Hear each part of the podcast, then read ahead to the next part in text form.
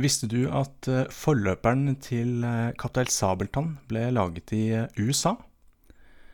Tyveri, ran og sverdkamp er gjort til dataspillunderholdning i The Secret of Monkey Island. Du hører på CD Spill.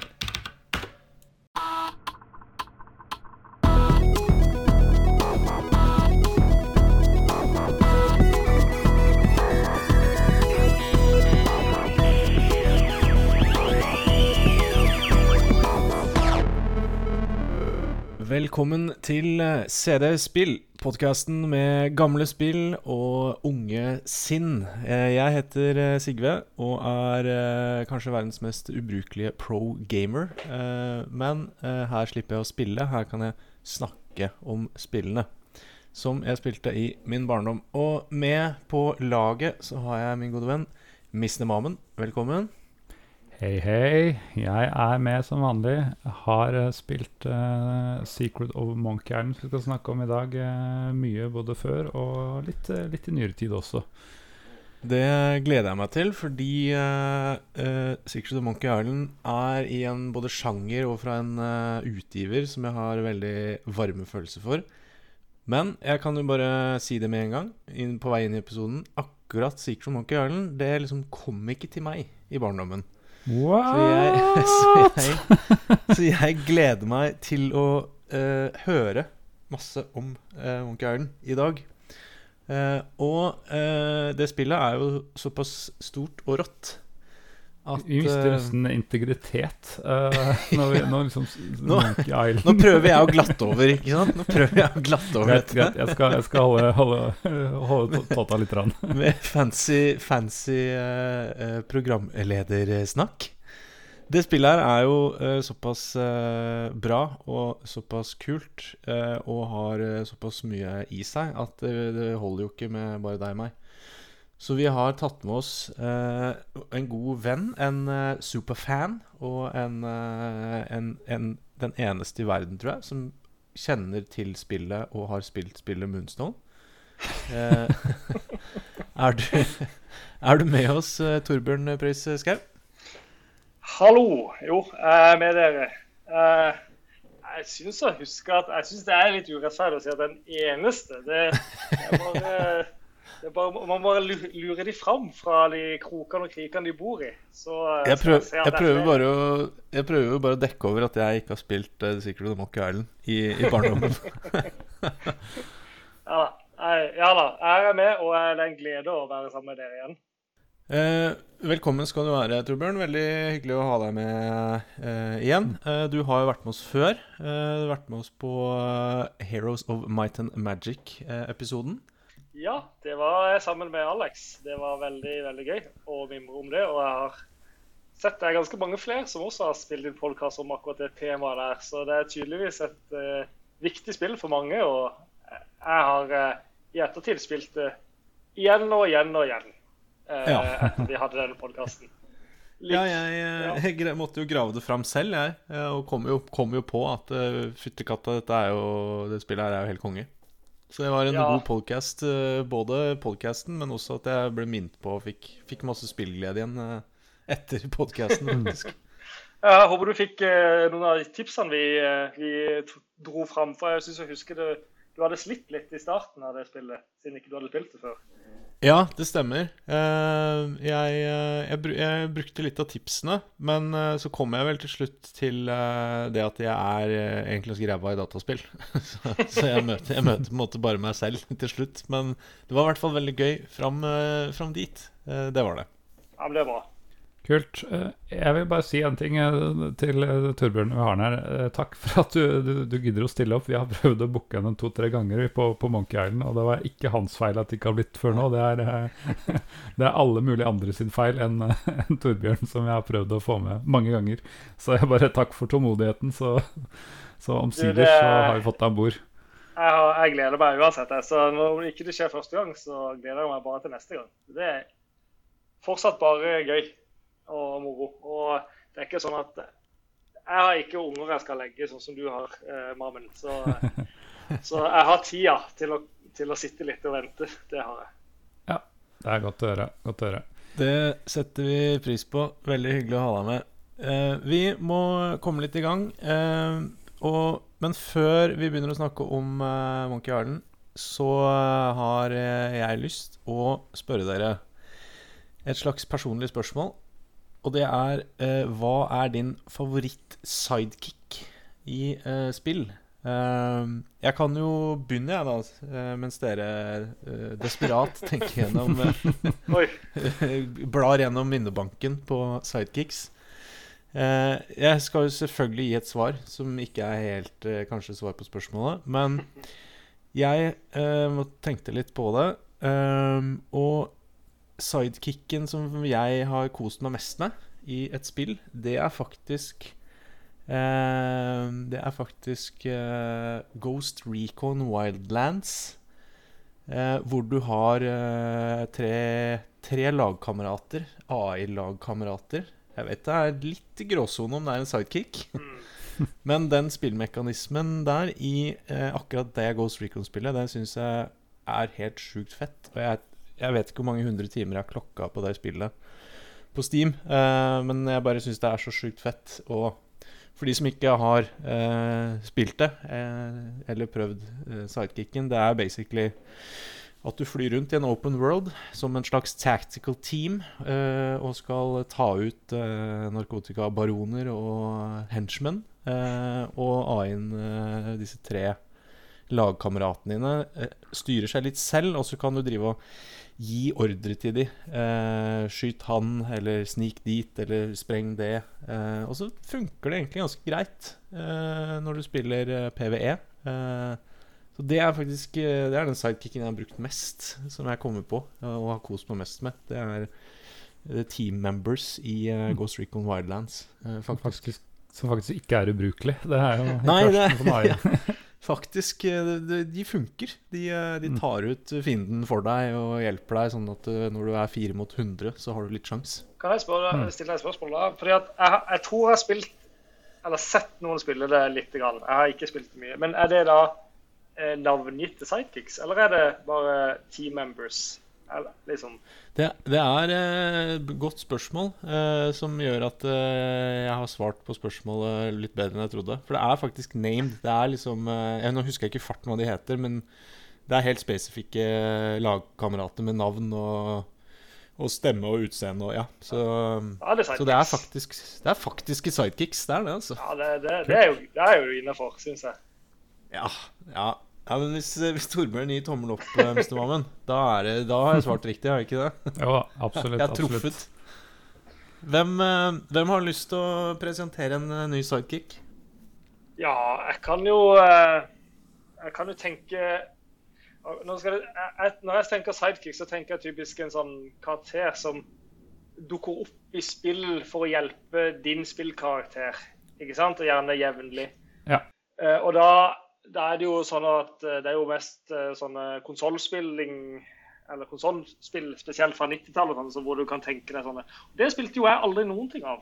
Og jeg spilte jo Amiga, og jeg spilte jo PC. Ja. Nettopp. Så det er Ja, bra, bra, bra Torbjørn. Veldig bra. rikt- Riktig sted. Ja.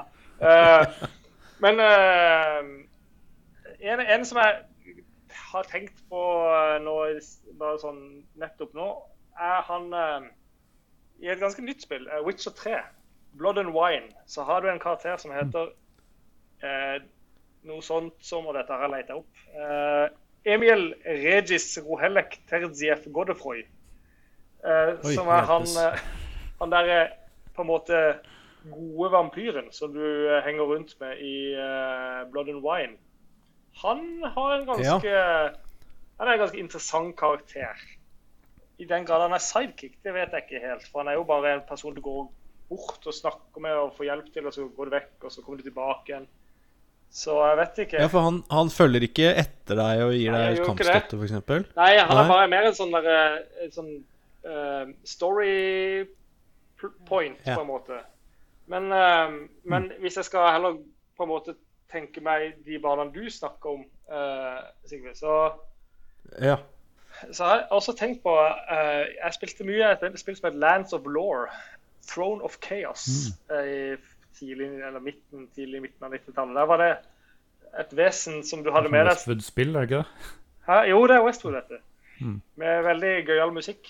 Eh, og jeg så også en walkthrough av det. Det så helt latterlig vanskelig ut å gå gjennom hvis vi skulle gå gjennom det hele veien. En som, hadde, en som speedrunna det. Det var helt sykt å se på.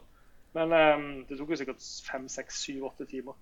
Uh, men, eh, men der har, du med deg en sånn fyr, en sånn party member, da, som heter Bakata. Som er eh, et vesen som kalles Somgog. Og okay. What now? ja, ikke sant? Han er altså, som en- han ser ut som en slags sånn eh, Michelin-mannen, bare med fire armer, egentlig. Ja. Og så, men det som er så fint med han der, er at han ser jo litt sånn uh, uhyrlig ut, kan du si. Men han, har, han som spiller stemmen der, han, er, han snakker veldig sånn Very proper British and hello. Ja. Og han er veldig sånn pen og eh, snakker veldig pen og veldig sånn eh, høflig og sånn. Den kontrasten der er ganske morsom gjennom hele spillet. da. Eh, Herlig. så han, han er jo litt han, er nok en sidekick i den forstand. da. Eh, og så har du jo alle disse her i, i Baldur's Gate, så er det jo en del, men det er jo sånn inn- og ut-karakterer mer. Men så tenkte jeg på en, en siste Jeg beklager at jeg har så mange her nå. Men jeg tenkte på en siste som er en, en, re, en reell sidekick, og den kommer også fra eh, konsollverden. Og det er Globox i Rayman. Han er en blå fyren. Ah, ja, ja, ja, ja, ja. For han har et kostelig utseende eh, til enhver tid. Og eh, jeg, jeg, første gang jeg spilte det spillet, så lo jeg meg g- fillete, faktisk. For han er så morsom å se på. Eller de er så morsomme å se på. Men uh, la meg ja, La meg si uh, Vet du hva jeg sier Globokse? Han er en ekte sidekick. Ja. ja altså, jeg tenker jo Jeg hadde jo tre sidekicks. Riktignok fra ett spill, men jeg hadde tre sidekicks. Jeg syns det er helt fair at du også får presentere tre, Ja, jeg skulle, tre jeg skulle likt å se det, det partyet som har Globox, Emiel og Bakata i samme. Ja. Det. Ja, det spillet, det spillet har jeg lyst til å, lyst til å se. Og så vil jeg jo si at du, eh, du er ikke helt eh, Altså, ja, Rayman er jo til konsoll. Det kan hende du spilte på konsoll, men vi tillater det. Fordi jeg har spilt Rayman, men jeg spilte Rayman på PC. Så det, de, det var til PC også. Oh. Ja, Så jeg tenker det er innafor, jeg. Helt innafor. Ja. Mr. Mammen. Uh, nei, nå får jeg nesten litt sånn prestasjonsangst jeg, når jeg hører hvor, hvor godt dere forsvarer og te tenker og har alternativer og alt mulig rart. Men uh, nei, jeg må jo, må jo bare si at uh, jeg, jeg, redd, jeg var nesten sikker på at noen kommer til å nevne noe Skyrim eller et eller annet sånt nå, for der er det jo massevis av companions man kan ha. Men eh, Nei, akkurat mens jeg satt her, så vurderte jeg så kom jeg plutselig på at eh, Wing Commander er en av de få eh, spillene hvor du faktisk har en sånn ikke helt ubrukelig hjelper, da. Men, eh, men det var noe jeg kom på nå. Jeg tenker jeg velger å gå, gå mm, ut på litt utenfor i periferien igjen, sånn som, sånn som jeg gjør når jeg ikke skal i konsolllandskap og sånn. Og så hopper jeg faktisk inn i et eventyrspill som heter Den lengste reisen. Oi. For der eh, kommer det en eh, snakkende fugl. Eh, en eh, Ja, det er vel en kråke, egentlig, men den norske oversettelsen har blitt en ravn av en eller annen grunn. som, eh, som er selverklært eh, sidekick, som syns det er så kult å endelig kunne være er magisk fugl. En sidekick. Og i norske stemmene på dette så er det jo til og med han Elling, Per Christian Ellefsen, er det ikke det han heter, Ah, som, kult. Ja, som eh, kult. har voiceoveren. Så jeg syns han eh, Ja, veldig sånn eh, Hva skal jeg si Um, Mye humor da i den, eh, den karakteren. Og sånn eh, litt sånn Syns det er så kult å være sidekick, og syns det er litt irriterende når han blir fetcha hit og dit og litt sånn småsarkastisk, men eh, han er en veldig god, god duo og god, eh, god humor. Det høres ut som en ordentlig sidekick. Faktisk. En skikkelig sånn sidekick som jeg føler kommer inn og henger med hele tida. Ja, ja. Så det, ja, ikke med hele tiden, her, men blir satt i arbeid da når du først, først er der. Så blir du Ja. litt grumpy på, Men, på men du sier en ja, crow eh, på engelsk. Ja. Men eh, en Hva ble det på norsk, sa du? En eh, ravn. ravn? Men Mm. er ikke dette et norsk spill, egentlig? Er ikke Jo. det Funcom-spill? Det er Funcom-spill, det er helt riktig. Er den svart? Er den helt svart i fjerde? Er Ja, den er det. Eh, også det som er så rart, da, er at i oppfølgeren, den Drømmefall, eller Dreamfall, da, der eh, har de eh, har de, hva skal si, sammenfall av det. Så der, selv på norske oversettelser så er den plutselig eh, Crow. Jeg tror den bare heter Crow. Jeg har ikke oversatt engang. At det er, da heter Blitt blir Settler eget navn. Crow. Ja. Og det var visst fordi at de brukte ravn til et eller annet annet, så det ble litt sånn kollisjon. Så, men det, det, det er litt weird, da. Sånn, eh, skulle tro at liksom norske var fasiten. Men jeg tror, eh, tror de er såpass internasjonale at de skjønte at, de, at engelsk er eh, det gjeldende, og så er norske bare Ja, vi blir vel et nisje, nisjepublikum. Selv om uh, selskapet er norsk, så er vi fortsatt norsk publikum. Et lite publikum. Det er jo ikke så rart at eh, de valg, valgte ravn sånn i Norge, fordi at i norsk mytologi så står jo ravnen ganske sterkt. Og ravnen Mm. er jo en ganske viktig karakter i mange historier i Norge, så kan hende at det funker bedre bare sånn eh, på en måte intuitivt for det norske språket at det er en ravn. Eh, og den norske liksom mentaliteten, eventyrmentaliteten. Jeg kan jo tenke meg at de kanskje har brukt profesjonelle at, eh, til å oversette det til norsk. eh, At det ikke nødvendigvis er eh, de som har bestemt det selv også. Men eh, det er jo vanskelig å si. Ja. detaljkunnskap om hvordan det foregikk inn hos Funcom. Og så har du jo ravn er jo et enstavelsesord, sånn som crow er. Mens hvis du skal si kråke, så blir det plutselig litt Mm. Ja. mer sånn kronglete, kanskje.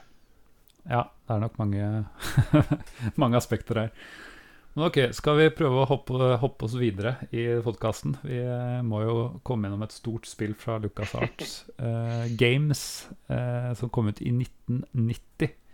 Ja.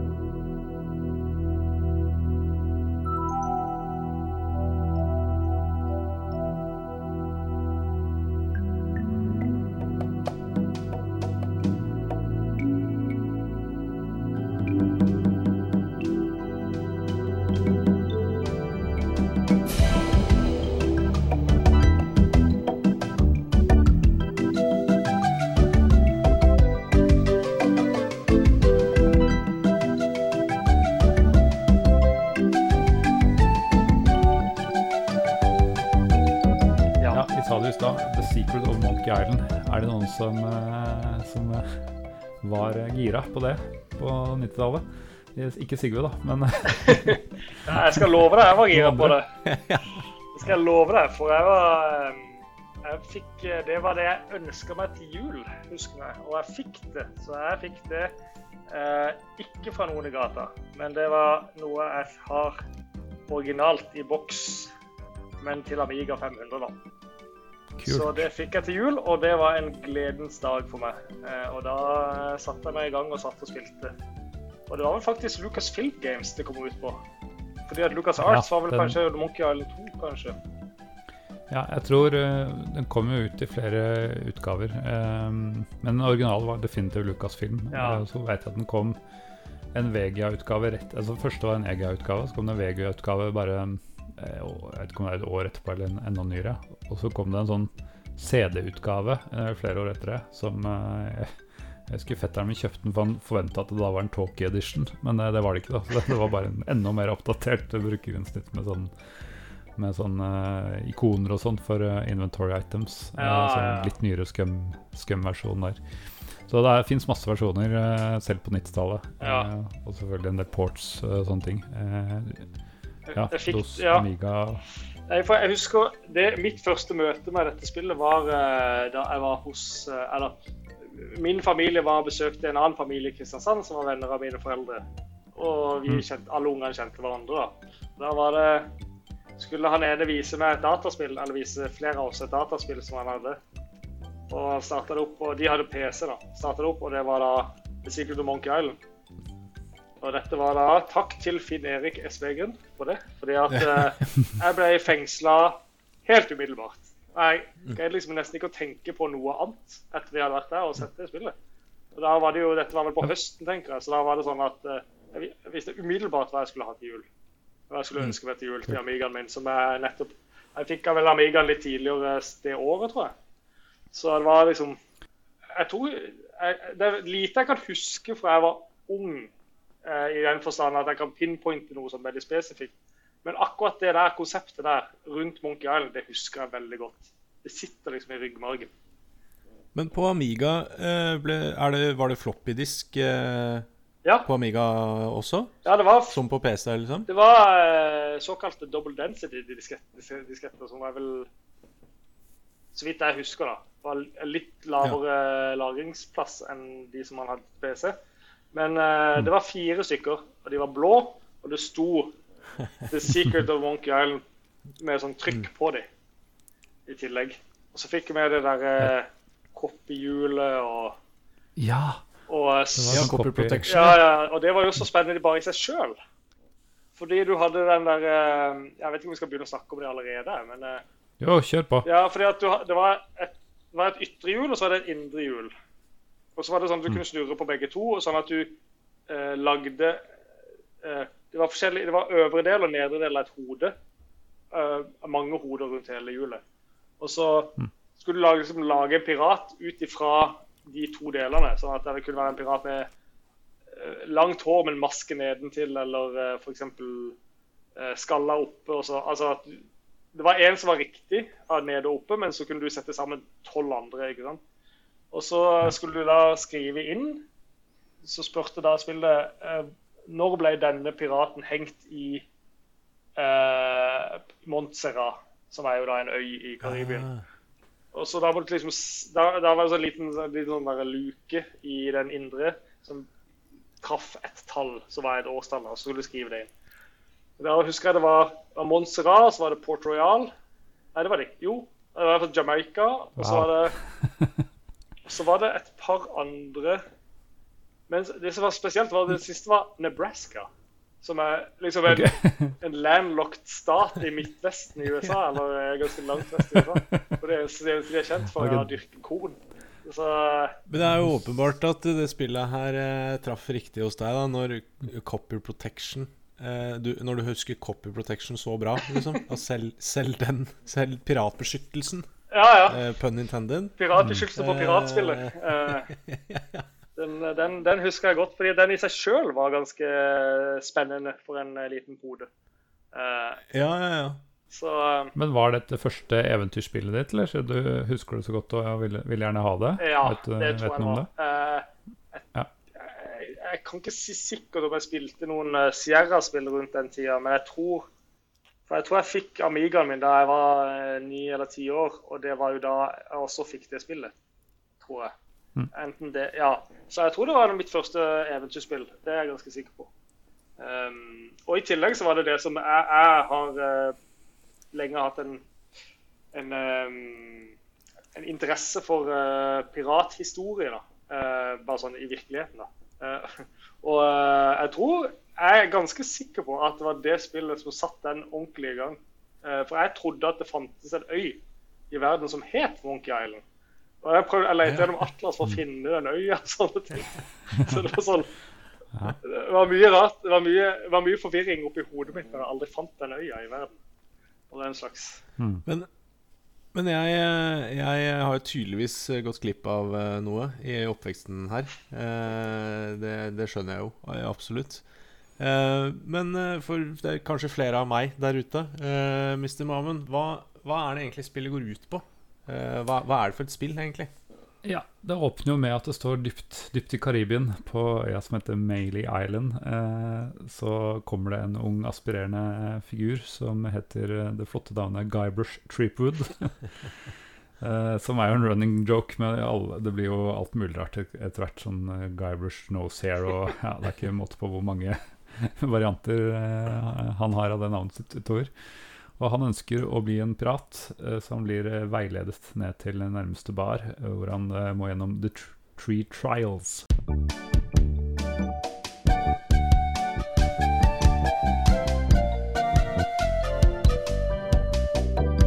For å, bli en eh, sjørøver, da. Og da er det vel eh, eh, tyveri eh, er det en man må bevise seg. Eh, sverdfekting og Hva er det siste igjen av, Torbjørn? Skatt, finne treasure. Ja, finne treasure. Treasure Huntery. Ja, riktig. Eh, så det er liksom eh, Starten av målet er da å få å, å, å bli en pirat, sånn sett, da. Og så Da har du liksom et klart mål helt fra starten av, og så, og så utvikler det seg da videre etter hvert at du, du hører om spøkelsespiraten LeChuck, som, eh, som jo er en ganske ikonisk eh, villain, som etter hvert eh, du skal ja- jakte på. Og du kommer da etter hvert på Monkey Island, den my- myteomspunne øya som eh, er vel litt sånn at ingen finner den når man leter etter den, men av en eller annen grunn så havner Guybrush Threepwood der hver eneste gang han prøver. Det er noe, det er noe, det er noe sånn der Du må la Det er en sånn oppskrift for å komme seg dit. Eh, Stemmer. Du må konkokte en eller annen form for heksebrygg, så kommer du deg plutselig dit uten at du vet hvordan. Ja, det er sånn voodoo. Voodoo er jo også et tema i dette. Det mikser jo massevis av eh, Hva heter det, sånn po po popular law. Sånn, Ja. eh, om uh, sjørøvere og alt mulig rart som det forventer av seg. En god sammenblanding eh, av humor basert på det, og, og selvfølgelig mye, mye bare absurde ting. Ja. Det, jeg, jeg hørte eh, i, sånn, i forkant eh, for å liksom undersøke litt sånn ting som jeg ikke visste, og som kanskje ikke noen fun facts, så eh, fant jeg ut, fikk jeg høre at det var de tre folka som har vært Det er jo, det er jo uh, han Ron Gilbert, og så er det han eh, Dave Grossman, og så er det han Sånn heter han siste, da. Uh, uh, Dan Nei, jeg vet hvem du tenker på. Ja, det er jo litt uh, dumt at jeg ikke kom på det. Men uh, de tre, da, de hadde, de, hadde, de hadde hver sin på en måte tilnærming til humor. Så de fant ut til slutt at det bare skulle spille eh, Hver av de skulle skrive liksom konversasjonene til, til forskjellige karakterer. Det er derfor så mange karakterer Ah. er veldig forskjellige i måten de er på. Tim Shafer er siste. Tim Schafer, selvfølgelig. ja. Sånn at, ja. sånn, at de, alle, sånn at alle tre skrev liksom eh, skriptet for de forskjellige, forskjellige karakterer. Så derfor blir det veldig Det er sånn jo ganske kult. Ja, og det funker jo. De har sikkert uh, sydd det sammen litt etter hvert, men allikevel så blir det ganske morsomt. Ja. Når du er inne på det der med Ron Gilbert, så er jo han veldig kjent for dette for godt spilldesign i eventyrspillsjangeren. Eh, han skrev et en slags memo, eh, eller som eh, ganske mange kjenner til Why Adventure Games Suck and What We Can Do About It, eller noe sånt. Eh, er du, du kjent med den, eller, eller noen av dere? Jeg har hørt, jeg har hørt, jeg har hørt det, men jeg, jeg kan ikke si at jeg kan eh, si hva som står der. Nei, jeg kan uh, gå litt for, fort gjennom dem her, fordi han eh, setter opp en haug med regler om hvor, hvordan eventyrspill kan bli bedre. Uh, ja, why they suck, som han sier. Og eh, jeg kan gå fort gjennom de punktene her. En Det ene er end objective needs to be clear. Du må vite hva du skal. Det kan, være en, eh, kan godt bytte underveis, men for i Monkey Island så ser du at jo, du skal bli en pirat. Det er liksom første målet ditt. Og så kommer du kanskje mer etter hvert, men da har du et eller annet som er langt eh, way ahead, liksom. Ja. Og så står det at subgoals need to be obvious. Og det er jo den, for de tre trials. Da må du vite hva du skal, eh, sånn at du ikke bare for å vandre rundt på måfå og ikke vite hva du skal. Dere har sikkert vært borti eventyrspill som er sånn. Du bare går og aner ikke hva du skal, og satser på at du finner noe. Det er, det, ja, ja, Sierra. Mye av dette mye av dette er pekt i Sierra, det er ingen tvil om det. altså. Police Quest, anyone? Ja, ja.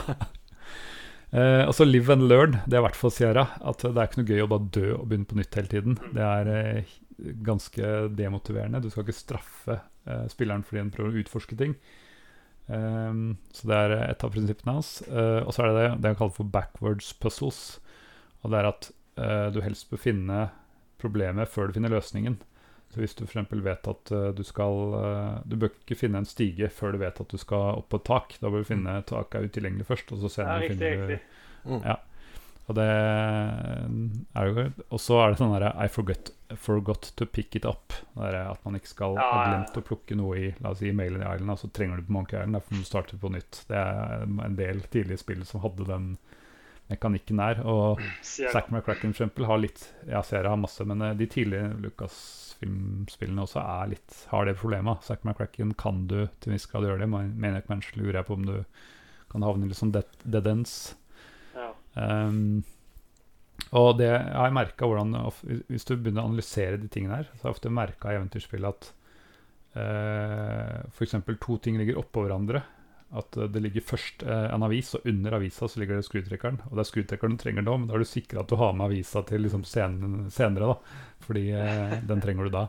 Og det, det, det skinner litt gjennom når du først kjenner den. Eller at du plukker opp en eske med masse ting samtidig. da Så det sikrer at du får med deg eh, Ikke kan advance i historien før, før du har gjort det. Neste poeng er eh, 'puzzles should advance the story'. Og det, ja, det er jo det at det skal ikke bare være et meningsløst puzzle, det skal ha noe håndfast med historien din å gjøre. Du skal løse deg en grunn. Og det er jo kanskje motstykket til jeg tenker eh, litt sånn myst, ja. At det er bare eh, frittstående puzzles, liksom, som, eh, som eh, bare er et hinder for å komme videre. Um, ja, det er kanskje litt sånn også mange, mange spill hvor du bare ja, Vi skal bare ha en puzzle. Og så har det ikke noe, det er ikke noen logisk grunn til at det er der i det hele tatt. Nei, jeg, det er fort gjort å tenke at nå må vi finne på noe mer, og så, og så slenger man inn noe. Så har det ikke noen eh, liksom, Det har ikke noe med historiefortellinga å gjøre. Det er bare, bare Ja. et hinder for å komme videre.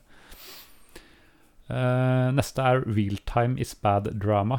Og det må jo være en del sånne tidlige Arkadespill og sånn som du må skynde deg og gjøre Ja. et eller annet så du ikke blir drept. eh, eller at du har en timer eller eh, et eller annet.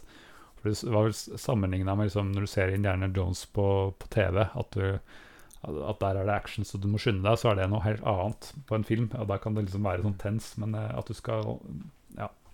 Ja. Det har ikke noe eventyrspill å gjøre. Jeg, jeg skjønner, skjønner hva han mener. Så står det noe med incremental reward.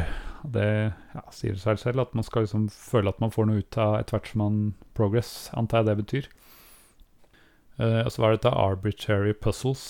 Uh, ja, det betyr at puzzles and their solution needs to make sense. ja. Det kan jo man diskutere om alt eh, funker i Monkey Island, eller om man bryter litt av prinsippene der, men det kan jo komme tilbake til litt av puzzles etter hvert.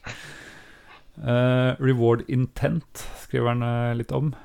Eh, s- eh, ja, hva er det for noe? At du skal liksom skjønne litt uh, hensikten med det du oppnår, da. Nei, nei, jeg jeg har åpenbart uh, tenkt gjennom ganske gode, konkrete måter å komme fram til et spill som er gøy for en uh, forbruker å ha. Iallfall i Mm. på den tida der. Ja. Jo, forresten, han skrev Jeg, jeg, jeg skriver tekst der òg, at en av tingene var Det er veldig irriterende når du må liksom second guess the parser, så er i hvert fall den der teksttypinga i Sierra-ting, da. At, herre, ja. ja, at du liksom du, å, Ja. blir nesten for høyt blodtrykk bare å tenke på det. Så må du gjøre det fort i tillegg. Ja, hvis du kombinerer det, så gjør du det. Eh, og så står det 'unconnected events'. Og det er vel eh, noe med at det er eh, veldig irriterende at du, drar, du gjør noe et sted, og så skjer noe helt annet som ikke logisk skal ha noe eh, effekt. da. At du drar en bryter et sted, og da plutselig er det alle borte på puben uten å vite at det, at det var en brannalarm du dro i, på en måte. Det, det må, du må skjønne at ting henger sammen, og det er jeg jo enig i. Ja. Eh, og så står det til slutt uh, 'give the player options'. Og det er vel litt med at man ikke skal ha det helt linært, men at man kan gjøre ting i hver sin rekkefølge. ja, riktig. da. At du kan, eh, sånn som i Monkey Island, gjøre flere deler av ditt three trials samtidig, Ja. egentlig. Kan gjøre det i hvilken rekkefølge du vil, eller du kan gjøre helt ferdig med en før du går på neste osv. Det er ikke uh, avhengig av hverandre. Men du må jo selvfølgelig gjøre alt for å komme til neste segment osv. Ja. Men det er jo nesten umulig å lage det ikke-linært, altså totalt ulinært. Det, det går nesten ikke. Så skal kunne klare å komme til en finish line, men ja. Nei, så det er liksom hans um, Ron Gilberts uh, store uh, jeg vil si gave til eventyrskaperne. For det ble jo bransjestandard, og det er grunnen til at Det er etter min mening grunnen til at Lucas Arts etter hvert da ble de beste på eventyrspill, var fordi at de fulgte disse tingene her. Du ser uh, at det ikke var uh, helt der i de tidligere spillene, men uh, nesten alle det, fra dette og utover ha, følger dette prinsippet veldig godt. Og med noen brudd her og der, men i hvert fall mesteparten av det. I motsetning til Sierra, som vi sier, og, Ja. og en del andre. Det, vet du når han lagde dette? Eller er, Var det sånn rett før Monkey Island, eller var det litt tidligere? Eh, det var, jeg tror ikke det var rett før eh, Monkey Island, men det var eh, jo, han skrev at han skrev dette i 1989, så jeg vet ikke Ja. helt Mens han designa Monkey Island. Så da, ja.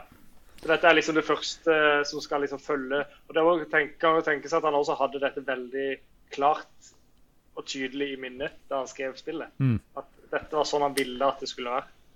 Eh, Ja. sånn, at det var, dette skulle følge den, den modellen så nært som mulig. da. Og det vil jeg jo nesten si at det gjør.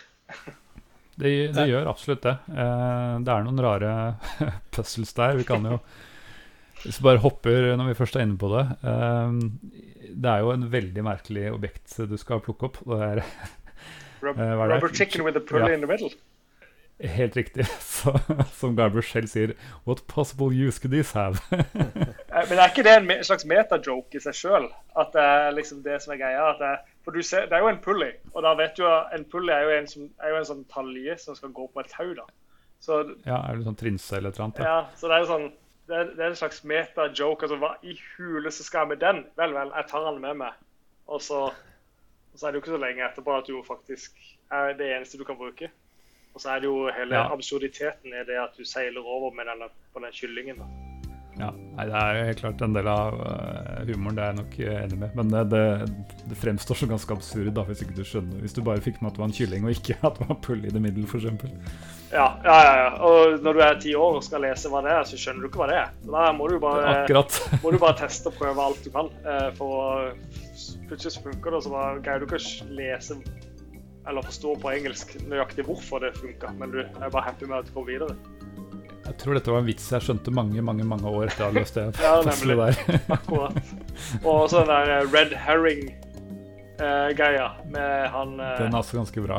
med det trollet, uh, som i seg sjøl er ganske morsomt. Altså, det, er så mange, det er så mange lag på mange av disse jokesene som de har i disse spill, i, i spesielt Monkey Island-spillene. Men Monkey Island 1 er liksom så i, Monkey Island 2 har veldig mange veldig kompliserte og innvikla eh, puzzles, egentlig. Ikke sant? Du, må, Ja. du må liksom gå og finne koordinater og alt mulig rart. Mens Monkey Alene er liksom så Det er så, det er så rent, og det er så det er, bare, det er stort sett bare humor, så er det relativt enkle gags Nei, eh, relativt enkle puzzles, da. Som Jeg mener, jeg kom meg gjennom det i løpet av 11-12-årsalderen, så det var jo greit å liksom Ja, jeg tror det er mye Eller jeg skal ikke snakke Du, du er kanskje smartere enn meg, men jeg tror det var mye eh, forsøk å bare kombinere alle items man har, med, med andre Det- items og sånne ting. det det. Trial and error. Jo, jo, men til slutt så går det også, ikke sant? ja ja, det er jo alltid en løsning. Brute force seg gjennom ting. Ja, altså, jeg, husker også med Ja, jeg vet ikke, vil du si noe mer om, om handlinger, kanskje? Før altså ikke jeg vil bare trekke ut ting som Nei, hva, vi kan godt, eh, vi kan godt ta en, en bitte liten eh, spoiler av hva som skjer i eneren her. Hvis du har lyst til å ta, bruke la oss si, to minutter på, på, på å fortelle resten, så kan du gjøre det. Ja, OK. Ja. ja du skal bli en pirat, Uh, og det er jo det første du sier. Og da må du uh, gå gjennom The Three Trials, som, het, som er da navnet på den første delen av dette spillet. Det er fire deler av spillet. Eh, og da sier, går du til eh, noen av de viktigste piratene, og de sier at du må gjøre de tingene som du sa. Stjele, fekte eh, og, eh, og eh, finne en skatt. Og Da suser du rundt på den der øya som heter Malay Island, og da blir du kjent med folk. Og eh, samtidig så prøver du å finne ut av hva du skal gjøre for, for å få til disse tinga. Og en, en av de viktigste personene du blir kjent med, er jo da governor Marley. Du ser jo faktisk det er en sånn valgplakat for å velge henne helt i starten av spillet du går forbi. Mm. uh, som Governor- yeah, elect governor Marley. Uh, it's the only, eller, the only choice is the best choice, eller et eller annet sånt. Ja, sånt. ja. Eh, og så eh, Hun blir jo Guybrush forelska i. Eh, for governor Marleys, det er jo en eh, Elaine Marley som bor i et mm. gunnehus på utsida av byen.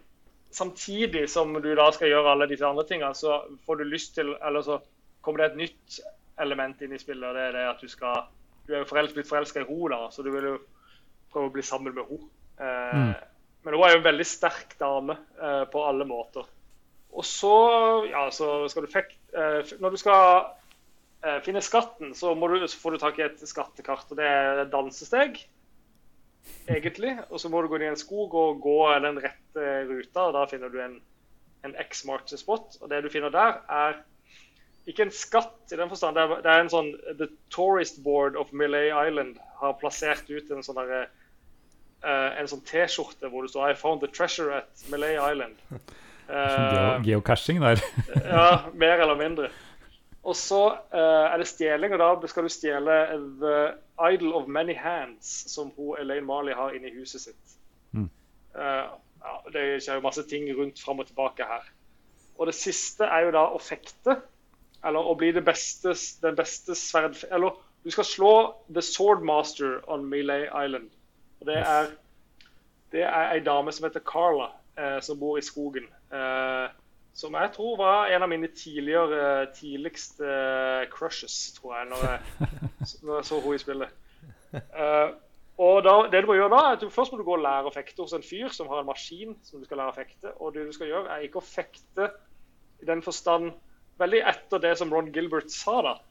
Du skal ikke være god til noe teknisk og gjøre noe fort. Det du skal gjøre, er å komme med en god retort. Ja. Så fektinga går ut på at du blir fornærma, og så skal du komme med et god, godt svar. Hvis svaret er bra nok, så får du overtaket i fektinga.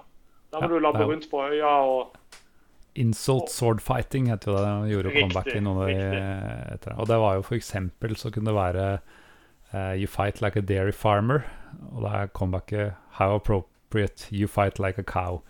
Og sånn dette funker er jo da at du lærer Etter hvert som du møter tilfeldige random encounters, så lærer du insults, og så må du satse på at de har et svar, eh, som, sånn at du lærer comebacken.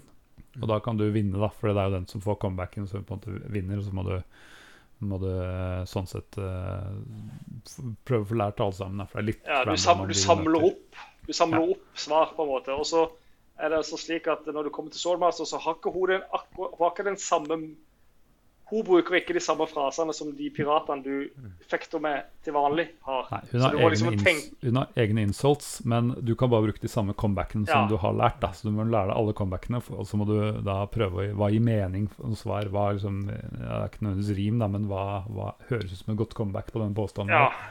Det er litt vrient, men det er også litt gøy. da, Det er veldig sånn språk... Ja, det skjønte ikke jeg mye av da jeg var, Nei, jeg var liten. Skulle til å spørre hvordan, hvordan får en 9-10-åring eh, til eh, det der? For én ting er jo et puzzle eller noe teknisk, men, men eh, engelske insults back and forth, liksom? Uh, ja, hvordan, jeg kan, hvordan jeg kan si det nøyaktig hvordan jeg gjorde det. Det var ja. Jeg skrev ned det jeg så på skjermen, og så skrev jeg ned det svaret som funka. Ja. Og så gjorde jeg det helt til jeg kunne bare følge den oppskriften, egentlig. Ja, riktig. For det, det Jeg må jo eh, si det at eh, Lucasfilm slash LucasArt eh, er jo Apropos læring, er jo, eh, er jo min engelsklærer. Eh, jeg, eh, har, jeg har spilt Lucasfilm slash Art-spill. Eh, jeg har f.eks. spilt Indiana Jones, Fate of Atlantis. Mhm. I det føles som jeg spilte det i fem år, eh, tror jeg, eh, på barneskolen. Eh, så jeg kunne jo Ikke mye, men jeg kunne jo engelsk. For jeg er jo så gammel at vi begynte ikke med engelsk i første klasse. Vi begynte om Det var tredje eller fjerde klasse. Ja, fjerde klasse for min del, iallfall. Uh, ja. Og da begynte vi med gloseprøver og enkle ord. Men jeg kunne snakka flytende engelsk, i hvert fall i mitt hode. For jeg hadde jo spilt så mye Jeg hadde jo uh, ikke like humorfylt, men jeg hadde jo drevet med gåter og krangling og snakking i Indiana Jones og Eh, du kunne mye om Atlantis og, og den slags. Jeg kunne forferdelig mye om tyske ubåter og Atlantis. Uh, så, så jeg, jeg, har lyst til å bare rette en liten takk til Lukas Art der, som lærte en uh, liten norsk kid engelsk uh, på barneskolen før skolen gjorde det. Ja, det er jeg helt enig i. Mm. og vi skal, vi skal liksom beskrive den derre fekte mot de piratene kontra fekte mot Carla, så er det hos pirater så sier de I will not take your insolence sitting down. Og da er svaret ditt uh, Your hemorrhoids are flaring up again, eh? Uh, mens hos Carla så sier hun My last fight ended with my hands covered in blood. Og da er svaret igjen Your hemorrhoids are flaring up again, eh? Mm. Ja. Så, ja, så det, det, skjer, da. Men så er det jo denne her eh, bad guyen, Litchuk, uh, som er gjennomgang i alle spillene. Og han um, han har store planer. Fordi at han, så vidt jeg skjønner, han seiler rundt på, på, på havet. Og med sitt undead crew. Um, og han er også forelska i Elaine Marley. Uh, og det, Jeg også hørte en, en liten sånn fact at det er derfor det er så mange pirater på Belay Island. Fordi at, fordi at det er ingen som tør å være ute og seile fordi at LeChuck er rundt hele tida ja. og, og, tar skip og gjør alle folka om til undead crew. Ja. Um, men uh, så greier han å stjele med seg Elaine. Uh, akkurat idet du greier den siste liksom, trialen, når du endelig har blitt pirat, eller skal ha blitt pirat, så ser du plutselig det Ghost Ship seile av gårde, og de har tatt Elaine Marley da, Elaine med seg til sigende. Og så da må du samle et, eh, et crew eh, av noen et litt sånn Mutley crew, nesten, eh, som er rundt omkring på øya der, og skaffe deg et skip, som er en saga i seg sjøl. Eh, og så seile av gårde til Monkey Island, fordi der LeChuck har sin hemmelige base. Ja, så Monkey Island uh, The Monkey Island, er, det er endgame, det? uh, området her. Det er ikke, Du er ikke der egentlig før endgame? Nei, altså det, det er liksom to øyer. Det er Belay Island og så er det Monkey Island. Og så, Mm. Jeg vil si at 70 av spillinga di skjer på Millay Island. Ja. Også, fordi at det er det vanskelige, syns jeg, da.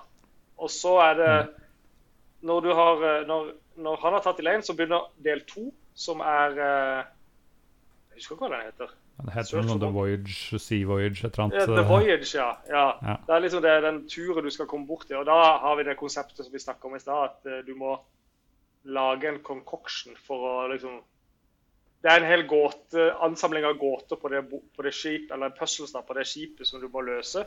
Og crewet ditt har funnet ut at de skal jo ikke stelle til Island, de skal ligge og sole seg og kose seg. De er på cruise i Karibien. Uh, så kommer du til slutt til Monkey Island som er en, en helt øde jungeløy. Bortsett fra at det bor én sånn regi Shibuden-kis der, som heter Herman Toothrot. Og så er det tre kannibaler som bor på en, en landsby. Og de har eh, en sånn konstant sånn word-krig, hvor de legger sånn pamphlets og notes til hverandre fordi at de irriterer Hver av de irriterer hverandre. da, at eh, Please give back our bana banana picker og um, Please keep uh, oh, the sacrifi sacrifices to a low during the night.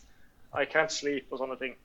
Så må du rundt der og gjøre masse puzzles, og så er det en svær sånn der, eh, ofringsplass da, for disse kannibalene. Som for øvrig heter Red Skull, Sharp Tooth og Lemonhead. Det er det de tre kannibalene heter. Og så inne på det der eh, sacrificial place så er det en diger sånn der eh, monkey head. Eh, sånn, sånn idol, sånn svært eh, apehode. Eh, og ved hjelp av nøkkelen til kannibalen, da, som er som ser ut som en stor q-tip som du putter inn i øret på den der apen, så får du, til, får du tilgang til å komme ned under apen. Og da kommer du ned i noe sånn helveteslignende eh, landskap. da, så du må En labyrint som du må gå gjennom for å komme fram til LeChuck sitt skip. Ja, for det seiler rundt i en sånn lavasjø. Ja, det er basen hans, egentlig, under Ja, der. Det er ja. der han liksom trekker tilbake. His, his lair. lair. Ja, ja, selvfølgelig. Du må ha lava. Ja, og så skal du da komme deg dit, og så skal du uh, prøve å få fri Elaine. Uh, og det er jo noen puzzle til på det skipet selvfølgelig også. Uh, og når du gjør det, eh, så seiler vel skipet av gårde, tror jeg. Eller skipet stikker av på et eller annet tidspunkt. Du går ut, og så kommer du ned igjen, og da er det borte. Uh, men uh, da uh, Så da skal de seile tilbake til Belay Island, for de har seilt tilbake for å gifte skal, LeChuck skal gifte seg med Elaine på Millay Island. Og Det er da den siste biten. og Den heter da Guybrush Kicks Butt, heter den delen. Yes. Ja, Del ja. fire. Hvis det skulle være noen tvil. Ja, og Det er bare en kort, ganske kort del da, hvor du må beste Lichuk, egentlig. Ja, en litt Eh, sånn og- epilog nesten, bare. Ja, og vinne spillet, da. Så det er så relativt kort, iallfall, det som skjer. Eh, Ja. Litt, litt lenger enn to minutter, beklager det. Må prøve, vet du. prøve. Ja. Nei, det går fint. Eh, ja. Nei, det er jo Det er jo det viktigste punktet, det. Ehm, jeg vet ikke, jeg tenker vi skal snakke litt om den artworken i dette spillet. For det, det merket er eh, Det er litt merkelig, egentlig. Jeg vet ikke om dere har reflektert over det. Men ehm, det er noen sånne close-ups som er veldig Hvis du ser på originalversjonen nå, ikke noen sånne special editions, så er de veldig sånn detaljerte. Det er jo sånn Jeg, jeg vil nesten si naturtro jeg, til, til å være eh, den, den tiden. Ja, ja, ja. Mens resten er jo litt mer eh, sånn klassisk pek og klikk, eh, små, små karakterer og sånne ting. Pixel-grafikk. Ja, men det er nesten imponerende hvor Sånn som nærbildet av Elaine og, og Guybrush på et par tidspunkt. Det er nesten imponerende hvor Altså, det er veldig flott. sånn imponerende å få til det, på en måte. Det er utrolig. Det, er- det, ser helt, det, det første du kommer ned og du snakker med han der ene skjeggete piraten i den der eh, i, i Scumbar, Ja. som heter Mancom Seafood. Så ser, han ser ordentlig liksom Det ser ut som et slags eh, oljemaleri, nesten. Ja, ja. Jeg syns det er ekstremt uh, imponerende. Uh, Det, Ja. og vi er enige om at vi ikke snakker om special edition her. ikke sant? Alt, vi vi, holder skal oss til det. vi skal nevne det et minutt på slutten, bare for, at, Ja. eh, bare for å få folk til å styre unna. Nei. Men nei, Ja. de, de har eh, gjort nei, Vi kan si det med en gang, da, så slipper vi å gå tilbake om det. Det er, det er mye rart de har gjort med den special edition, fordi de har da har de valgt å gå for en tegneserie-approach, som er noe de for øvrig gjorde senere i, Monkey Island 3 og så, så videre, så jeg kan litt skjønne det. Men én ting er de der vanlige pek-og-klikk-greiene, men det blir helt rart når du har en veldig karakterte nærbilder, syns Ja. jeg i hvert fall. Jeg syns nesten det er det aller rareste med, med special editions, er de, hvordan de har valgt å, å gjøre det så veldig tegneserieaktig på close-ups. Nei, jeg, jeg, men, men eh, jeg har også, også hørt at eh, de hadde to forskjellige artists, iallfall. Uh, den ene som gjorde liksom pikselgrafikken og det der. Så var det en som Mm. tok seg av det som var på en måte for Hvis du ser i bakgrunnen på disse liksom, liksom landskapene i bakgrunnen, så er de mye mer så flytende og litt sånn eh, Litt sånn der eh, Nesten sånn Picasso Nei, hva er det? Van Gogh Starry Night-aktig Ja. feeling på hele, hele liksom den bakre Litt sånn Loom-aktig kanskje, til og med. Litt, litt, Ja. eh, Det er litt morsomt å si det, for jeg undersøkte det her nylig. Det er tre, tre eh, sånne artists som har stått for det først og fremst. Og det ene er eh, Mark Ferrari. Og det er jo han som blant annet har lagd Loom, da. Og jeg tror de har delt dette etter hvor de er, fordi jeg er ganske sikker på at han har eh, tatt Mailey Island. For det er, eh, hvis du ser på stilen på bygningene og på stjernehimmelen og sånne ting, så er det veldig Spesielt hvis du ser den originale EG-versjonen, så er det veldig lik stil da, som, eh, som uh, i Loom er. Uh, og det andre er Steve Puchell. Han er jo kjent som skaperen av Sam Max. Og jeg tipper at han har lagd eh, Monkey Island, de områdene der som er helt annerledes grafisk. Men eh, altså, det er jo en annen øy, så det, jeg tenkte ikke på det før, før nylig. Uh, og siste er Mike Ebert. Og jeg veit ikke hva han har gjort, om han har uh, tatt uh, close-ups, eller om han har tatt det skipet, eller om han har tatt noe inn- innendørsscener eller noe sånt. Men uh, når jeg først ble, liksom, ble gjort oppmerksom på det, så så jeg Så begynte jeg å se litt på disse grafiske stilene, og da, da er jeg ganske sikker på at de har fordelt etter eh, områdene, som gir mening. Eh, men absolutt, akkurat som Ja, eh, ja. dialogen. Men eh, det var litt morsomt å begynne å kjenne igjen de tingene der. Ja, jeg tror eh, eh, Jeg tror også jeg har hørt at de eh, lagde de, de tegnte på en måte for hånd først. Iallfall de close-upsa og en del av Og så liksom gjorde de det om til pikselgrafikk, da. Um, og apropos du snakker om, vi snakker jo om disse her uh, linesa, så er det visst en fyr som har lagd eh, alle disse sword linesa. Alle disse fighting insult linesa. Det, ja. ja, det er visstnok en ganske kjent forfatter som har skrevet Enders Game. En sci-fi-forfatter. Ja, men eh, Ja, ja, ja, han, ja. Riktig. Mm. Eh, det er han som har lagd alle disse For han jobba Han jobba for Lucasfilm Games, tror jeg, på den Ja. tida. Han hadde noen finger med i spillet i Loom også. Eller, Ja. jeg vet det. Men, eh, men en ting som jeg husker, jeg husker skuffa meg da jeg fikk eh, for Jeg husker jeg var ti år eh, og fikk Mm. det spillet. Så på baksida av boksen så ser du det er close-up av, eh, av hunden i The Scumbar. Ja. den der, på baksiden av boksen så er det forskjellige sånne in game pictures. Og der ser er bilde bilder av ah, du kan snakke med hunden. ikke sant? Altså, og det kan du gjøre. Men jeg fikk jo Mm. aldri opp det der close-upet som jeg hadde håpet jeg skulle få. Ja. Det så jo sånn ut. Men det, det har jeg funnet ut i ettertid. Altså, var fordi at eh, For å kunne presse det ned på den mengden disks de hadde, da, Ja, så måtte de ja, kutte noe, og da kutta de det. da. ja. Den er tilbake i eh, special edition, selv om da får du special edition-grafikk på det. Jo, jo, Eh, men da, da, da ja. får du bare en sånn tegneseriesnoopy. Ja, absolutt. Um, I fjor så hadde jo Monkey Island 30-årsjubileum, og da la det, jeg vet ikke om du så det, men da var det en sånn eh, lang live-event med bl.a. Ron Gilbert og, og flere av de andre her.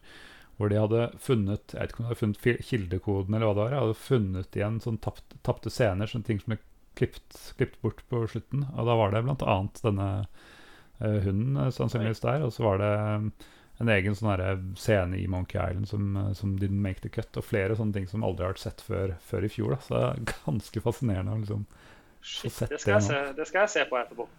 Ja, ja har jeg ikke fått med meg engang. nei, den uh, spillhistorie linka til det i, i fjor, men det er veldig veldig kult. De har ja, veldig, veldig lang samtale, og de viser fram litt sånn tidbits og prater om det. Jeg har ikke, jeg har ikke sett på hele, men jeg har sett på, sett på de bildene i hvert fall. Ja. Så ja, den er verdt å sjekke ut. Men jeg, jeg, husker at jeg ble Det var også en ting av det som dro meg til det spillet, eller som gjorde at jeg ble så investert i hele spillet. Det er det også denne artworken. det var- Du får sånne, du, du, blir- du blir transportert vekk til en fantastisk verden som, som du bare kan leve deg inn i, på en måte. Iallfall når du er liten. At det ble helt Mm. sånn både, begge, både det at jeg, ok, pikselgrafikken er ganske, jeg synes den er ganske bra jeg, til å være liksom pikselgrafikk. Og så Mm. close-upsene er, som du sier, ganske amazing, iallfall til å være 1990. Og uh, også den der, eh, den der litt sånn svevende nattehimmelen og, og de der uh, skogene på Monkey Island og sånn. Jeg husker at det satt ganske dype spor i meg. Men jeg, jeg blir nysgjerrig, for det er jo en uh, viktig del av Altså, artworket er jo utrolig kult. uh, og, men en uh, viktig del på toppen av det igjen, som gjør det spillet her helt konge, er jo, er jo musikken. Ja. Eh, men jeg lurer på hvordan eh, Var det soundblaster til, eh, til Amigaen din?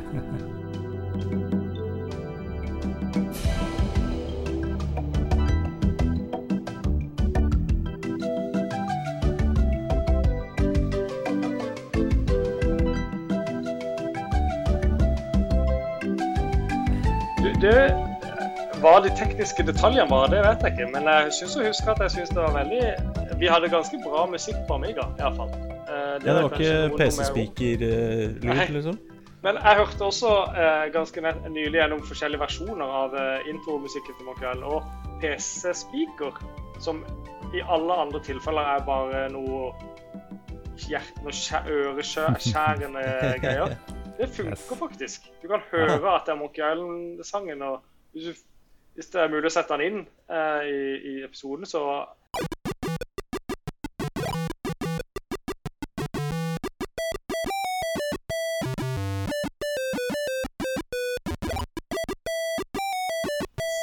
det er, det er ganske utrolig hvor bra det er til å være PC-speaker. Men det er klart, Jeg- jeg, spilte jo på Amiga. Jeg hadde Den første 14 gangen jeg spilte her, så var det PC-speaker som gikk for FO286 min, og den eh, Jeg husker jeg til og med hadde sånn opptaker, så jeg tok det opp på kassett. Den der Monkey Island-lyden på PC-speaker. Den, kassetten eksisterer sikkert et eller annet sted oh, i barndomshjemmet. Men så var det jo sånn interferens på Altså, jeg bråka litt eller noe sånt. Da. Ble det, så, så jeg har, har hørt den så mange ganger med den der interferensen som kommer midt i, at jeg syns nesten det høres feil ut når den, når den er riktig. Så, så Ja, for jeg, jeg hørte, jo, uh, hørte jo gjennom litt uh, spillmusikk, uh, eller theme, themes, Mm. til Island eh, nå før, før episoden. Og altså, jeg veit ikke om det er stemninga, eller om det er at jeg har spilt en hel haug av andre Lucasfilm slash LucasArt-spill. Eh, men det var bare sånn Det var så kjent, og det var så god stemning når den derre eh, Secret of Monkey Island kommer opp på skjermen, og musikken liksom setter i gang ordentlig. Det var bare Ja. sånn Det var så kjent og kjært. Eh, så den musikken er jo, er jo helt konge eh, i det spillet. Jeg får gåsehud når jeg tenker på eh, den starten der. Hvor du ser eh, liksom det der eh, Mm. fjellet på Millay Island.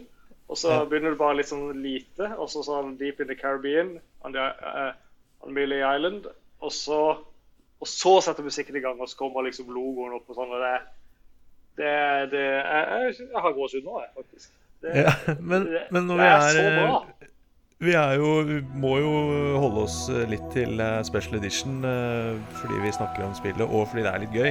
Eh, eh, men så hva med musikken? Den opp, altså i, I special edition moderne versjon så har de jo spilt inn musikken live på nytt. Hva, hva er favoritten, liksom? Er det, er det gammeldagslyden, eller er det nye?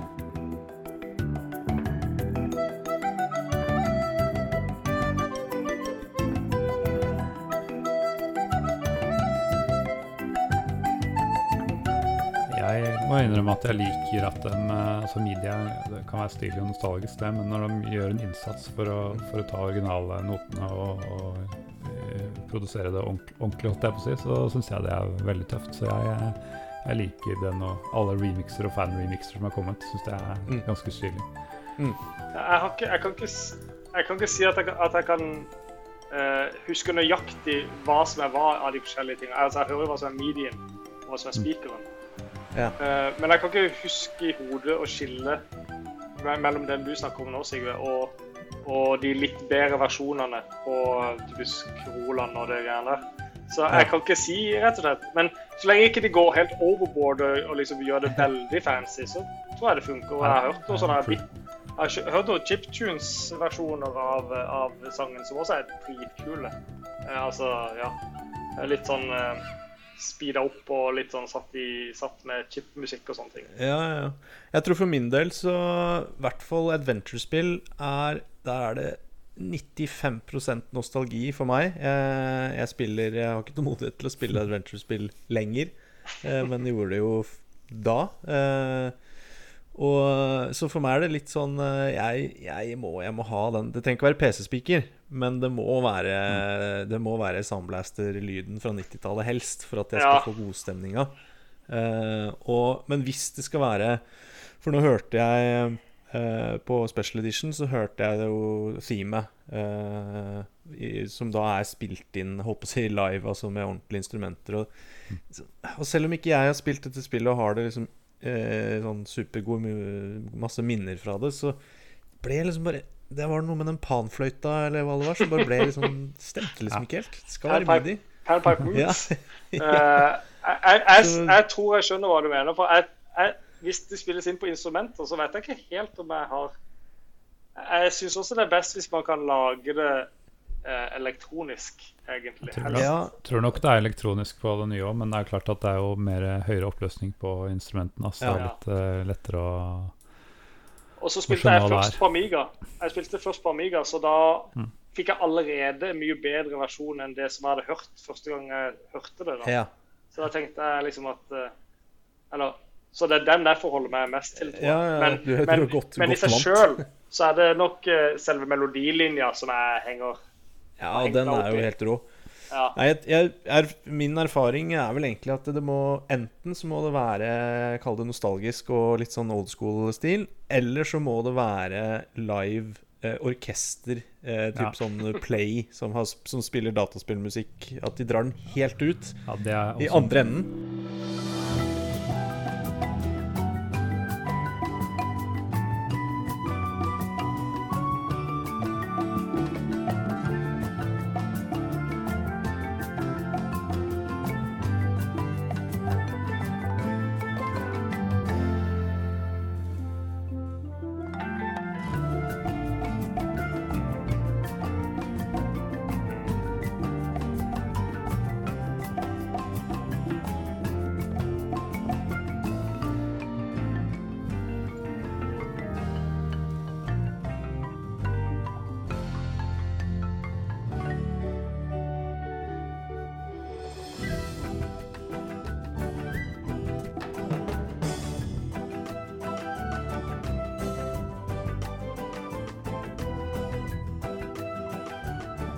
Og da, der får jeg også frysninger, for å si det sånn, og, og begynner, å, begynner å svette på, på øynene veldig. Øynene, Eh, litt sånn inni øyet. Ja. litt sånn inni øyet når de treffer liksom de skikkelig klassikerne jeg har vokst opp med. da. Så, Ja. nei, så det, er enten-eller der, altså, for min del.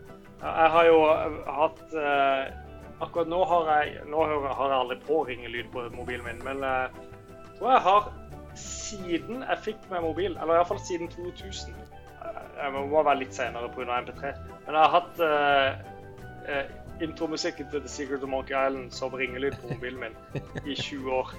Eh, så eh, det er, ikke, det er grunnen til at jeg sitter her i denne episoden. Ja, okay. ja, ja, Og så har jeg så, så vekkelyd har jeg hatt musikken på, på Monkey Island. ja, ja, Det der, de der trommene og de greiene der. Fordi at det er så Ja. behagelig å våkne til. Eh, Eh, karibske toner, ja.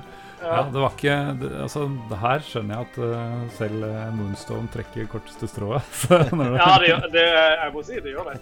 Uh, det Monkey Island er uh, over eh, stort sett det meste for min del. Uh, sånn, Iallfall nostalgisk sett. Mm. Eh, men eh, men eh, jeg har skifta på eh, nå, nå vekkes jeg av Far Horizons fra Skyrim. Eh, som Ja, er ja, jo, det er ikke, det er ikke dårlig valg, det heller, altså. en behagelig måte å våkne på, iallfall. Ja, liksom- det er mye, mye Scary-musikk som, eh, som jeg kunne våkna til, faktisk. Ja, en sånn episk oppvåkning hver dag. Ja, ikke sant? Veldig bra. Vet dere hva som er eh, liksom inspirasjonskilden til Monkehjernen, som Ron Gilbert har, eh, har sagt? Åh, hva er nå det? Det, har jeg, det tror jeg har hørt. Det er, jeg tror det er, en, det er en blanding av forskjellige ting. Det, det var den der eh, The Pirates of the Caribbean Ride som han gikk på da han var liten. Den har jeg vært på sjøl. Å, har du det? Der Awesome. var, det var rett før jeg fikk Island, faktisk. Der var den åtte år, så var vi i, i Disney World i Florida. Og da gikk, jeg- gikk vi på the, den der Pirates of the Caribbean Ride, og den husker jeg var helt awesome uh, da jeg var liten. ass. Det var helt sånn Ja, det var helt sinnssykt for en uh, liten pode å se på det. Å være med på det. Uh, så det kan hende at det var det som starta den der jeg tenker meg om. Fordi at Ja. Først var det det, og så fikk jeg Monkey Island etterpå. Så da ble det litt sånn overkill i hodet mitt. Ja, ja men det er jo helt, helt riktig. Det, det var inspirasjonskilden. Og i tillegg var det boka On Stranger Tides. Ja, Men riktig. det- Den er, Det, det som er litt morsomt, er at den siste Pirates of Caribbean-filmen heter jo uh, On Stranger Tides, så den blanda jo disse to sammen, så det er jo Men uh, Ja. jeg, vet ikke, jeg vet ikke hva dere tenkte. Første gang jeg så den første Pirates of Caribbean-filmen, så tenkte jeg at dette er jo Monkey Island bare på lerretet. Jeg, jeg følte det var veldig Monkey Island-film. ja, jeg fikk veldig fil, det samme, jeg, jeg fikk den samme uh, feelinga. Eller sånn, Ja. sånn den der uh, swashbuckling-eventyr. mye ukjent, men også mye spennende. Og også litt uskyldig også, ikke sant? Ja, uskyldig og, og morsomt og overnaturlig og ja. Eh, ja. Ja, det er liksom pirater og ran og vold og Men, Også men Pirates- mest på tull og fjas. Og Ja, kos, Ghost, Pirate. Ghost Pirate, for ikke å si Ja, eh, du, altså, minst. Main antagonist er også en Ghost Pirate. Og nå er det jo eh, Sånn jeg har forstått nå, så er det jo full circle. For nå uh, kjøpte jo Disney uh, Lucasfilm for noen år siden. Uh, og ifølge rykter eh, Jeg har ikke noe plan om å egentlig videreføre eh, Monkey Island-serien fordi den ligner for mye på Paris of the Caribbean. Ja. eh, til Ja. Disney. Ja, Så nå er vi jo full circle, full circle, rett og Da har vi nok lost, uh, lost Det har jo vært et par ganger Ron Gilberts har sagt at vi kjøper tilbake merkevaren, men Mm. eh, det er som aldri i verden at uh, Luca, nei, ja, Disney kommer til å gidde å, å gi fra seg noe de eier, så det, den er nok Nei. Tapt i Den er lost. for, eh, for alt. Dessverre. Jeg tror nok også Monkey Island er eh, en, eh, liksom et, eh, en verden som er kun eh, liksom viktig for en ganske liten del av befolkningen.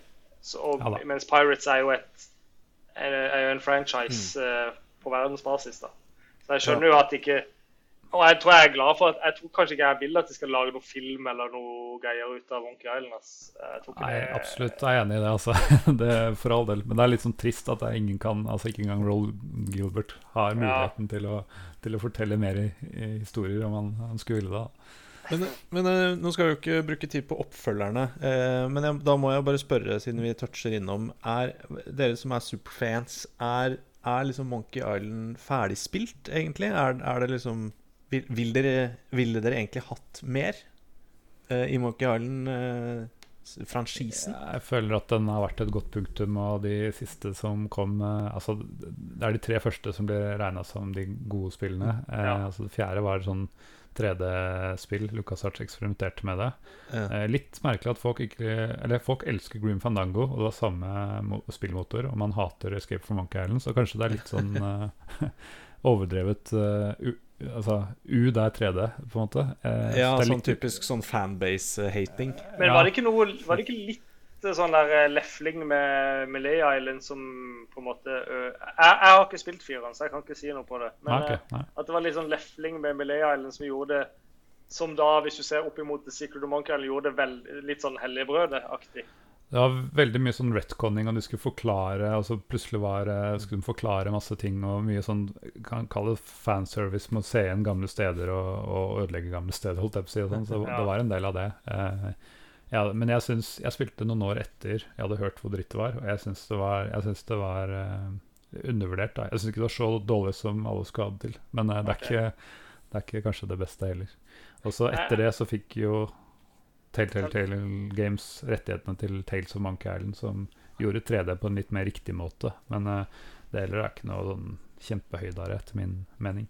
Nei, jeg spilte det faktisk. Jeg spilte alle de. Og uh, det, er, det, er, det, er, litt sånn som treåren bare i 3D. Bare det er ikke det samme De har ikke de samme karakterene. De har ikke de karakterene som man ønsker å ha.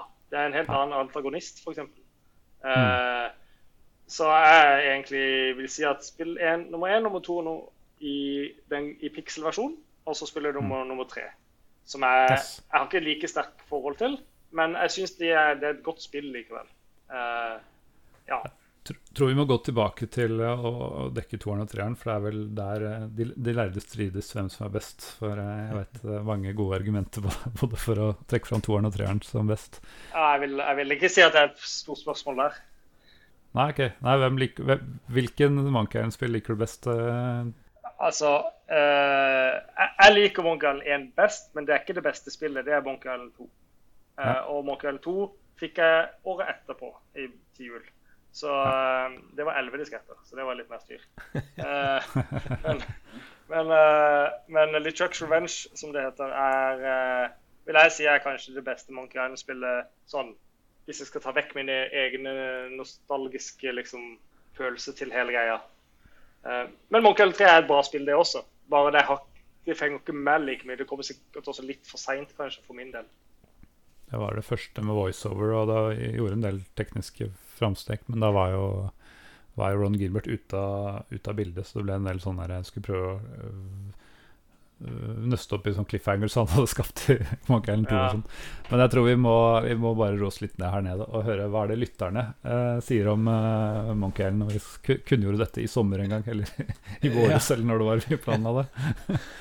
Vi, eh, det har vært litt bevegelse på social media. Eh, dette spillet er åpenbart er populært. Eh, på Twitter er det litt bevegelse. Uh, vår uh, gode venn og tidligere gjest uh, Alex Gisvold er inne og svarer oss. han lurer på om det er remaken i 2009 som var episodebasert og brukte så usaklig lang tid på å komme ut at jeg aldri spilte mer enn episode tre. så, så, han var litt usikker her. hvilken, hvilket Munch Jarland han har spilt, egentlig. Ja. For det han spilte, det er jo Telltale, er det ikke det? Helt ja, og ja. Så, som da Mr. Mamen svarer for oss her på Twitter Da har du nok spilt uh, Tales of Monkey Island. Kom samme år som remaken til The Secret of Monkey Island. Hvor Alex da uh, slenger på en bitte liten pønn. Seems like I'm monkeying around. Så, Alex, du må spille The Secret of Monkey Island, ikke Tales of Monkey Island. Uh, så er det en uh, gammel traver som pleier å kommentere på Eh, på eh, spillhistorie.no sine artikler om våre episoder. Terje Høybakk. Mm. Han sier Twitter sin grense på antall tegn er ca. 25 ganger for lav for meg til å si litt om Monkey Møtte Ron Gilbert på Retrospillmessen og var såpass fanboy at han nok fortsatt er glad for at det er et verdenshav mellom oss. Fikk signert originalen min, da. Til Amiga, så klart. Så her her, Torbjørn, har du en, eh, en medridder i Amiga. Det er, godt, det er godt å høre. Eh, og så kommer Espen eh, med et lite innspill i debatten hvilket som er best. Eh, han melder rett og slett at Monkey Island 2 er topp tre-spill of all time. Eh, så han eh, Der er det Monkey Island 2. Ja da, men det, det er et fair, fair utsagn, det, altså. Benjamin Sash kommenterer på Twitter musikken, humoren, det at Guybrush er en så spak og lite mandig fyr, det at han dør hvis du lar være å gjøre noe når han blir kastet ut i vannet, det spillet er ti av ti. Så det, det, det eh, slår an uh, Humoren, åpenbart, slår an. Jeg vil si at det han sa der, er jo ganske godt oppsummert, egentlig. Uh... Ja, for det er eneste måten å Det er kun én måte man kan dø, og det er at man hopper i vannet og som, som spiller, da, mm. ikke ber Garbers gå opp igjen av vannet? Ja, man blir kasta ut i vannet av, eh, av han der uh, sheriffen Fester Shinetop. Når han tar deg i å stjele, stjele The Idol of Many Hands. Så binder han deg fast til idelen og kaster, dytter deg utfor brygga, og så står du der under vannet. For du, man vet godt fra tidligere samtaler at Guybrush kan holde pust sin i ti minutter. Ja, Og så står du der nede. Det er mest en sånn joke, in, in game joke, til det der uh, internspøk. Det at den våkner Ja. faktisk etter ti minutter hvis ikke du gjør noe. Så da står, da står du der, og så er du akkurat utenfor rekkevidde for å plukke opp sag og saks og sverd og alt mulig som du kan kutte tauet med. Eh, og så kommer det til og med to pirater som du ser bare beina til går oppe på, på, eh, på brygga og snakker om Øy, jeg har gjort en, en, en, eh, for, I, I've committed a crime and I have this big knife, I need to get rid of it. Og så du håper at du kan kaste den ut i vannet, da, og så sier de Og så kommer de fram til Nei, vent litt, jeg, jeg trenger ikke gjøre det likevel. Og så går de bare. Men det du skal gjøre, er jo bare plukke opp Didel og putte det i de store lommene dine. Og så kan du bare Ja. klatre opp. Men hvis du da ikke gjør det i løpet av 10-15 minutter, så, så dør du. Og det er det eneste stedet du kan dø, da. Jeg kaller det en easter egg, jeg. Ja. Så, så ser jeg det komme inn en eh, på tampen her eh, på Twitter. Uh, Inge Bortne skriver Husker jeg spilte Secret of Monkey Island hos uh, barndomsfetteren min. Eh, det er, du Kanskje du bytter ut fettere eh, opp gjennom oppveksten? Er, dette er i hvert fall barndomsfetteren. ja, ja, okay. Ja, sånn Eh, til Inge. Eh, på den tiden eh, en kunne spille det med disketter. Helt håpløse greier. Eh, ok, diskettene eller spillet, Inge. Jeg er nysgjerrig. Hvordan vi kom eh, oss gjennom det til slutt, er en gåte. Har senere spilt samtlige spill via konsoll, og det har vært stor underholdning. Ok, da tenker jeg Wow. han liker spillet, men det var litt kronglete med disse diskettene uh, i, i tidlig alder. Men å Ja. spille på konsoll er lett. Det er jo det var et lite paradoks. Ja, nei, jeg vet ikke. Jeg husker det hjalp godt å få en eh, ekstra diskettstasjon til Amigaen eh, etter mye om og men. Da det letta veldig på uh, my, mye Hva er det for noe eh, ah, Hva heter det? Sånn der eh, way of Nei, improvement Life improvement-aktig. eh, Ja, å quality, quality of life. Der sa du det. Det er, jo en, det er jo en vits i det spillet at uh, insert disk uh, 23 eller noe sånt. Så bare, men det er ikke en disk 23, så det Ja, ser ut som nei, feilmelding fordi du ikke gjør det. Og så, ja, så er det bare en spøk, da. Men den, Ja. den, den angra de litt på, for jeg hørte at callsenteret på LucasArts ble nedringt av frustrerte spillere som Som ikke tok joken. disk 23 var. Jeg har faktisk den, eh, den stående foran meg, den, her, eh, den, den gaggen der. Eh, Ja. Du kommer til en stubbe, som sier Hey, there's a hole at the base of this dump. Wow, it's a tunnel that opens onto a system of catacombs. I think I can squeeze through. Og så det insert disk 22, press button. ja. Insert disk 36, press button. Insert disk 114, press button. Og så, Da skjønner du jo selvfølgelig at dette går ikke. Og så sier han Oh well, I guess I can't go down there. I just have to skip that part of the game. Det er mye, det er mye meta i, i Monkey Island. Altså. Ja. Det er det. Ja. Mye. Så er jo da det store spørsmålet eh, Og Torbjørn, du kan jo begynne. Har eh, The Secret of Monkey Island holdt seg? Eh, så det er, et, det er et par ting i spillet som er litt, litt kronglete. Eh, sånn, sånn kontrollmessig, altså du må fram og tilbake, du må gjøre ditt og datt.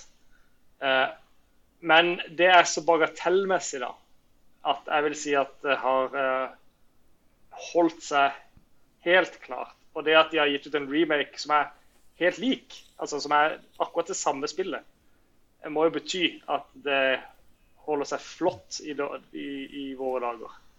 Mr. Mamen, hva tenker du? Ja, jeg um, syns vel det tristeste med den eh, special edition Eller det er mange tris triste ting, men den som kunne faktisk gjort at jeg hadde gleda meg mer over den, var om de hadde eh, gått an å få voiceovers på gammel grafikk. Mm. Men eh, det går ikke. Det er liksom enten full pakke med nytt eller med gammelt. Så jeg skulle gjerne hatt en sånn, eh, sånn miks der, som de lærte av senere utgivelser. At toeren og an andre Mm. special editions har den muligheten.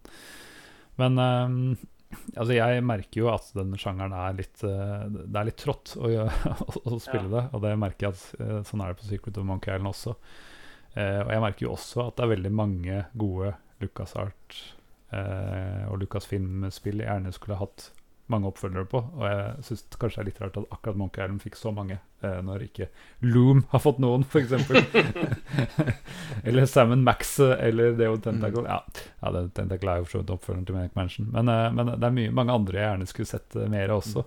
Men, eh, men eh, ja, ja. Fair, fair enough. Jeg syns ikke Secret of Monkey Island er den beste i serien. Jeg syns enig med deg at toeren er, er bedre. Mm. Så um, jeg vet ikke. Jeg må si at jeg syns det er et godt spill, men det er, det er ikke noe sånn uh, jeg, jeg tror ikke jeg ville anbefale noen å gå inn i dette hvis de aldri har spilt uh, et eventyrspill før. Det, jeg må være såpass ærlig. Jeg eh, kan jo eh, komme fra utsiden og si at uh, adventure-spill er jo ikke min greie lenger, dessverre. Uh, så jeg vil ikke anbefale det av den grunn. Men uh, humor og sjarm og hva skal jeg kalle det art, art style Mm. Eh, den, den har holdt seg. Så, Ja. så spillet er, Ja. er fint og koselig og morsomt. Eh, men, men sånn spillteknisk så kan jeg nok forstå at det kan bli litt Ja, trått. det, litt, det, er litt, det er litt steder som er litt sånn trått. du må gå rundt hele den tingen der. Så må du gå Ja. opp og så fram og tilbake og gjøre litt fram og tilbake. Frem og tilbake, og Så får du ikke de riktige Ja. linesa fra de der piratene, så må du fekte en gang til. Altså. Det er en del sånne, kan- sånne ting som er litt sånn, litt sånn kronglete og sånn. Men og jeg sitter jo med altfor mye nostalgi til å kunne si hvorvidt en person som ikke har det, vil Ja. finne glede i det. Jeg, tror det holder seg på de aspektene som du snakka om der. Sjarme, Ja. humor. Mm. Eh, det er god pikselgrafikk, ikke sant. Det er, det, er, det er et koselig og morsomt spill å spille, da. Men det er igjen det er litt, litt sånn som du sier, gamle adventure-spill. Litt kronglete. Det er klart, Men- Liker du gamle adventure-spill, så er dette selvfølgelig et av de du skal ha med deg. Det er Uten tvil. Eh, Det må Da, jeg tror også jeg, du- da har du vel spilt allerede, vil jeg tro. Hvis du, ja. Sannsynligvis, men hvis du har gått glipp av det, så er det selvfølgelig Så skal du ha Ja. med, med Secret of Monkey ja. Men, eh, men eh, hvis vi kan gi lytterne våre en slags eh, anbefaling til noe de skal prøve, da skal vi, Kan vi lande på, hvis du er helt ukjent med dette, prøv Monkey Island 2? kan være vanskelig, altså. Det er ganske kronglete. Men, men, Ja. eh, men eh, Og det har en del av de samme problemene. Litt, kanskje ikke like stor grad, men litt av de samme problemene. Synes jeg, nå, nå tok jeg ordet veldig fort her, men jeg tenker at hvis ikke du har spilt noe adventure-spill, så er jo Monkey Island 1 et veldig overkommelig spill. I den forstand at Ja. jeg greide det som en tiåring, og det var flere i min gjeng som også hadde vært borti det og kunne det litt. Grann.